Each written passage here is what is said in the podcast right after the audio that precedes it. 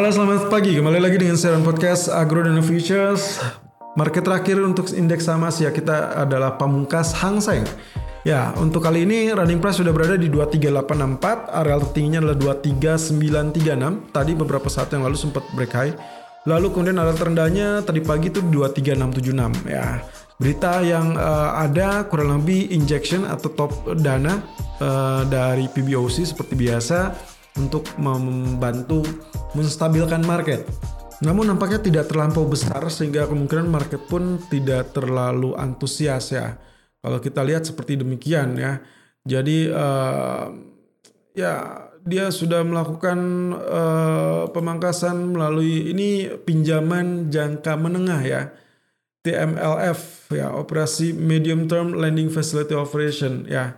Jadi diperkirakan itu angkanya di 56.1 miliar yuan untuk uh, skala satu tahun dan dalam uh, rate atau suku bunga di 2.95 persen setelah sebelumnya berada di 3.15 persen.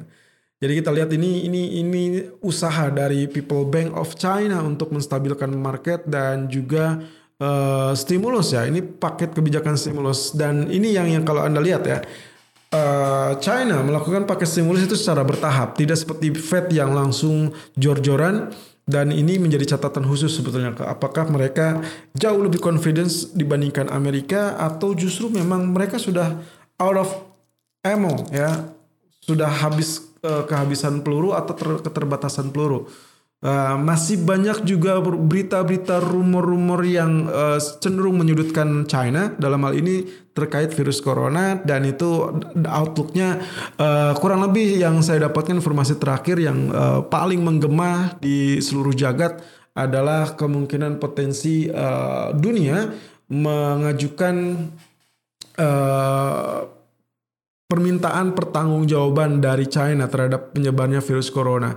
Karena mereka uh, mencurigai bahwa virus ini uh, adalah rekayasa genetik yang dilakukan di di di uh, laboratorium China di kota Wuhan.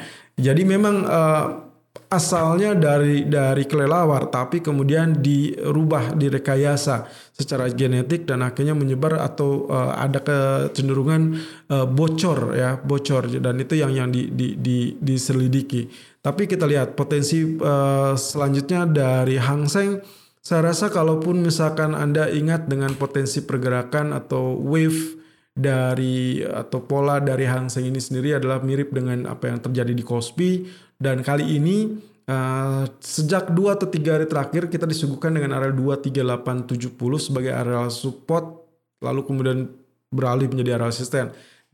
Lalu kemudian mundar mandir dan kali ini pun sama kembali menjadi area resisten uh, uh, untuk hari ini.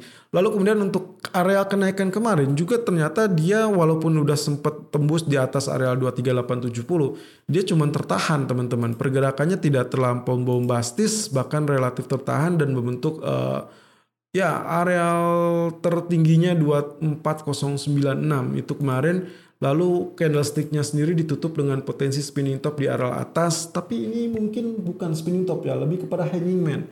Jadi ini mirip dengan kejadian sinyalmen dari uh, Kospi. Saya rasa, oh sorry dari Nikkei. Jadi saya rasa ini ada potensi untuk selanjutnya bisa saja ini membentuk pola yang kita sebut dengan head and shoulder, suspected head and shoulder. Kenapa saya bilang suspected? Karena kita belum tahu ini terkonfirmasi sempurna apa tidak. Bisa saja swing high-nya masih akan ada karena dia belum membentuk uh, right shoulder yang terlampau fasih, ya, terlampau ideal. Akhirnya dia membentuk swing high dulu, baru dia kemudian nantinya collapse. Tapi bisa saja untuk lebih terkonfirmasi, saya sudah mencoba menarik garis trend line sebagai areal neckline atau suspected neckline Nantinya itu kalau misalkan dia tembus maka kita terkonfirmasi dalam pergerakan tekanan di dalam uh, pola head and shoulder. Ya, jadi itu yang yang saya amati kali ini. Uh, outlooknya detailnya Anda bisa lihat di channel YouTube kami Agrodana Futures Official ya. Lalu kemudian di grafik H4-nya sendiri ya potensi pergerakannya dia swing high-nya kemarin itu itu adalah areal yang menurut saya jauh lebih tinggi daripada apa yang terjadi di pekan-pekan sebelumnya ya itu uh, uh, uh, kurang lebih menjadi areal right shoulder dan suspected atau yang kita curigai sebelumnya itu menjadi sangat-sangat um, uh, uh, bisa dipertimbangkan.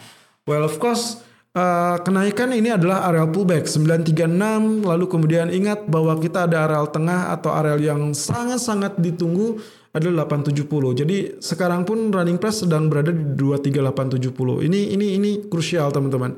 Kalau ini ternyata tidak berhasil uh, untuk ditembus atau uh, tidak berhasil sustain di atas ini, maka potensinya seharusnya kita akan melihat potensi dia tembus areal neckline dan terbentuklah pola head and shoulder dengan sempurna.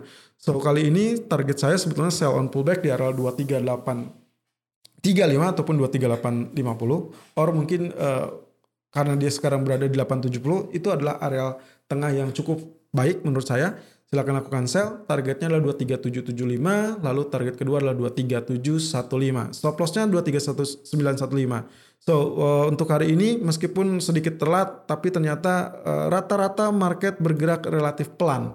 Ya sesuatu hal ada sesuatu hal yang sedang ditunggu, entah apa itu. Tapi saya rasa uh, kecurigaan saya berkisar kepada JC Penny itu akan menjadi suatu hal yang sangat besar karena itu Uh, saya jadi flashback dengan apa yang terjadi di di di di resesi 2008-2009. Kala itu yang yang terancam adalah uh, bank ya karena ada kasus kredit macet dan kala itu uh, akhirnya Lehman Brothers lah yang kolaps.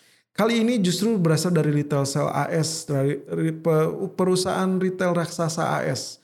Apakah ini akan menjadi krusial apa tidak? Itu yang akan kita nantikan nanti malam terutama untuk Wall Street-nya apa yang akan terjadi dengan Wall Street. So selalu gunakan stop loss dan risk management sesuai dengan equity dan strategi trading Anda.